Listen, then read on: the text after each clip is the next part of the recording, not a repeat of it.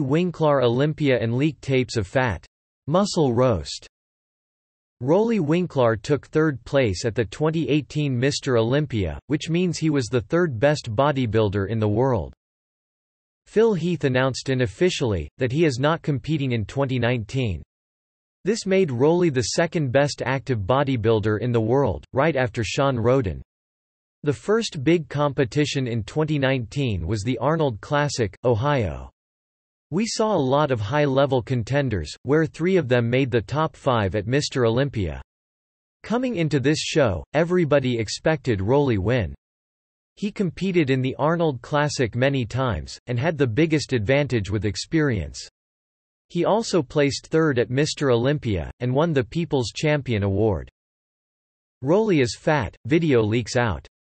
In so many predictions that you could find on YouTube and other social networks, you could see that everyone thought Roelly would take the trophy. Everybody believed that, until a video of him guest posing leaked out. He was at a suspiciously high body fat level, and had a serious amount of water retained under his skin. Roelly was at two weeks out of Arnold Classic looking like he is three months deep into the offseason. This changed everyone's predictions and nobody believed that Roelly can actually win. Roelly improved his conditioning. When the show started, you could see Roelly in much better shape than he was two weeks ago. He was in surprisingly good condition, but not even close to what it takes to win this show. If it was a weak lineup like in 2017 for example, he would maybe get away with it, but not against these guys. You had a very good William Bonac, as ready as he could be. You also had the best version of Brandon Curry, who actually won the show making Bonac a runner-up. Other 2019 Arnold Classic competitors. There was also the hardest and certainly the best version of Luke Sandoe taking third place. Cedric McMillan came in average and took fourth place. Cedric was not at his best, but his superior structure was good enough to beat the out-of-shape Roelly, who took fifth place. Some people even believed that he should have placed even lower than that. And also that he wasn't really better than Steve Kuclo or Rafael Brandão. The main argument why he didn't deserve to win against them, was because they were in better shape than him, which is definitely true. Raphael was way sharper than Roelly, but his upper body mass was nowhere near that level. What is important in bodybuilding shows? When it comes to these big shows, having just conditioning is not enough, like it is at amateur shows. Having a lot of muscle is certainly a quality that is an absolute necessity for winning these competitions. Steve Kuclo on the other hand, was both hard and big. He was also not as hard as he could be, or as he was about a month later at the Indy Pro, which he won. The thing about Steve and why he lost to Roelly, is the fact that his muscles don't have a lot of depth in them.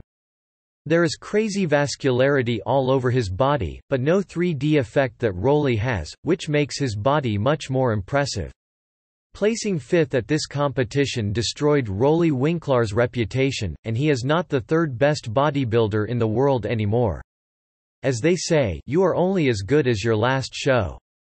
Roelly Winklaar Arnold Classic Australia. It took Roelly another two weeks to bring something much better to the Arnold Classic Australia stage. He brought far better conditioning than he did at Ohio Arnold Classic. In Australia, he did place higher and beat a very soft Luke Sandoe. Without Brand Curry, it was all fair game. William Bonac was at this show as well, in the same or even a tiny bit worse shape than two weeks before, but still good enough to be victorious. Second place landed into the hands of Cedric McMillan, who came much sharper this time around, just like Roelly did. We all know that Cedric is one of those competitors who have all the necessary tools to dominate at every single show on this planet. At this show, Cedric was sharper, but not as sharp was William Bonac so he took second place. Many thought that he should have won it. Roelly was improved, but not at his best, so he didn't beat Cedric or William which he has done many times before. Roelly's abs and vacuum pose. An interesting thing that Roelly did, which triggered many bodybuilding analysts, was his vacuum pose. The vacuum pose, is a topic of conversation going around for the last few years. Especially after the Arnold Classic Ohio 2018, and that incident in Classic Physique Division. When George Peterson won his class, Arnold himself came to give him the award and speak a few words with him. He asked George to do a vacuum pose saying that he likes the classic division because of tiny waists and ability to hit the vacuum pose. George didn't know how to do this pose. It's easy, just grab a vacuum. He tried to suck his stomach in as much as he could, and a few seconds later flexed his abs. This scandal caused a lot of discussion on whether the vacuum pose should be necessary or not. By Roelly hitting it, it turned a lot of heads. Roelly Winklaar the mass monster. He is known for being one of the best and the biggest bodybuilders of today, and of all time. On his small frame and height of only 5 foot 5 inches, the amount of muscle he packs is insane. Being considered a size freak and being able to hit a vacuum pose is absolutely extraordinary but not enough to win you a show. The vacuum pose is not something that judges will give you extra points for. A controlled and aesthetically pleasing midsection most certainly is. Not having a good midsection, is the reason Phil Heath lost his title in 2018 to Shawn Rhoden, who had an amazing set of abs. He did not lose because of the lack of muscle or conditioning, the stomach was the only problem. In order to come back and win the throne again, Phil should look up to Roelly. Roelly's ongoing big stomach problems. Roelly is not known for having a good-looking stomach. On the contrary, he was actually known for having a horrible bubble gut problem.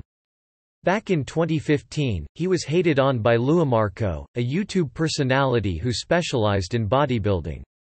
He made videos in which he made fun of Roelly, and his distended stomach issue. At the same time, you had Arnold Schwarzenegger complaining about the same thing, and even trolling bodybuilders who had this issue. Kai Greene Arnold Classic 2016 Kai Greene was the one who won the 2016 Arnold Classic, and left a very sharp, Cedric McMillan behind him.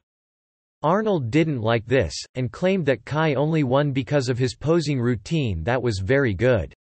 When Arnold was supposed to congratulate Kai, he said that he really likes his vacuum pose and asked him to do it. Kai did a front double biceps pose in which his stomach popped out like he is five months pregnant.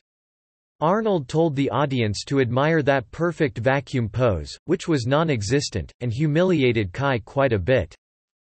Roelly didn't want this nightmare to happen to him, so he worked on fixing this problem.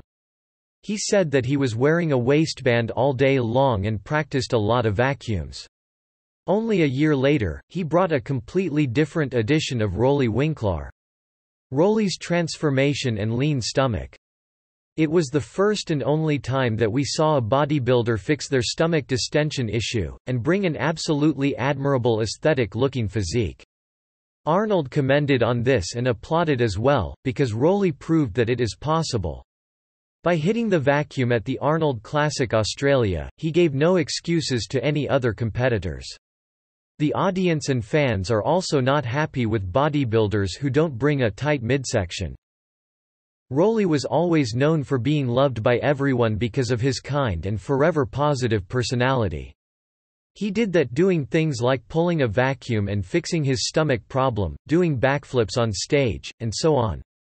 The fact that people love him was proven at the 2018 Mr. Olympia, when he won the People's Champion Award which was the first ever. Roelly Winklaar 2018 Olympia results in 2018, he was able to beat William Bonac, Brandon Curry, Big Ramy, Cedric McMillan and everyone except Phil Heath and Shawn Rhoden. Bonac was a bit off, but it wasn't horrible conditioning. There is no chance of Bonac beating Roelly unless his conditioning is perfect. That is the only reason why Bonac places so high. It's because of his great conditioning combined with the fullness and density that his small frame is packs. Roelly's structure is far superior to William Bonac's narrow shoulders, and wide-waist blocky-looking physique. If Roelly comes sharper than him, he should definitely beat him. What about Brandon Curry? Brandon has made a huge transformation from the 2018 Olympia Top 6, to the 2019 Arnold Classic. In such a short time span, he brought his legs up so much that it was enough to beat William Bonac, who was in really good shape.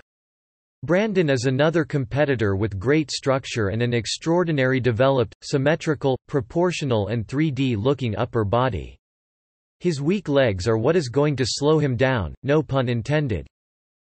He improved them so much in such a short time period, he can possibly improve them once again until the 2019 Mr. Olympia. Will that be enough to beat Roelly Winklaar if he is in good shape? Unless he brings them up a lot, it won't be. Kai Greene and Phil Heath won't be there. In case Kai Greene and Phil Heath don't show up which they won't, the chances are high we might be watching Roelly Winklaar and Shawn Rhoden battle it out. What does it take to beat Shawn Rhoden? The reason why Shawn won the Sandow, is because he was far more conditioned than anyone else. Roelly was right behind him, but Roelly was in really good shape. The chances of Roelly coming in even sharper than that, are rather slim. Roelly's biggest problem is his back, or should I say, his whole backside. His spinal erectors are pretty much non-existent, that it makes you wonder how he even walks, and what is holding his spine in place. Roelly's back continues to be an issue. His lower lats are so undeveloped and shallow, that his whole lower back looks amateur-like especially in the back double biceps pose. The back lat spread is fine. He can hide the lacking muscles in that area and draw attention to the width of his shoulders. He is a wide guy, and his upper lats along with his traps, look quite decent. The lower back, or to be more precise, lower lat thickness and spinal erectors are just a disaster. If you go downstairs and take a look at his glutes, you can also notice that the size of them is nowhere near that of Shawn Rhoden. Shawn is not known for the best back ever, but it doesn't have any too obvious problems with it, as Roelly's does. Other problems for Roelly. Roelly's glutes are underwhelming, compared to almost all of the other top competitors. His arms are some of the best guns this world has ever seen, alongside those of Phil Heath and Lee Priest. The arms, and the beautifully shaped abs, are his biggest strengths today. His chest is good, shoulders are great, quads are good when he is shredded, but the hamstrings are not the best. In the end, it all comes down to conditioning. The guy who brings the best conditioning is going to win. If they all bring it, will Roelly end up victorious? Probably not, due to his obvious weak points.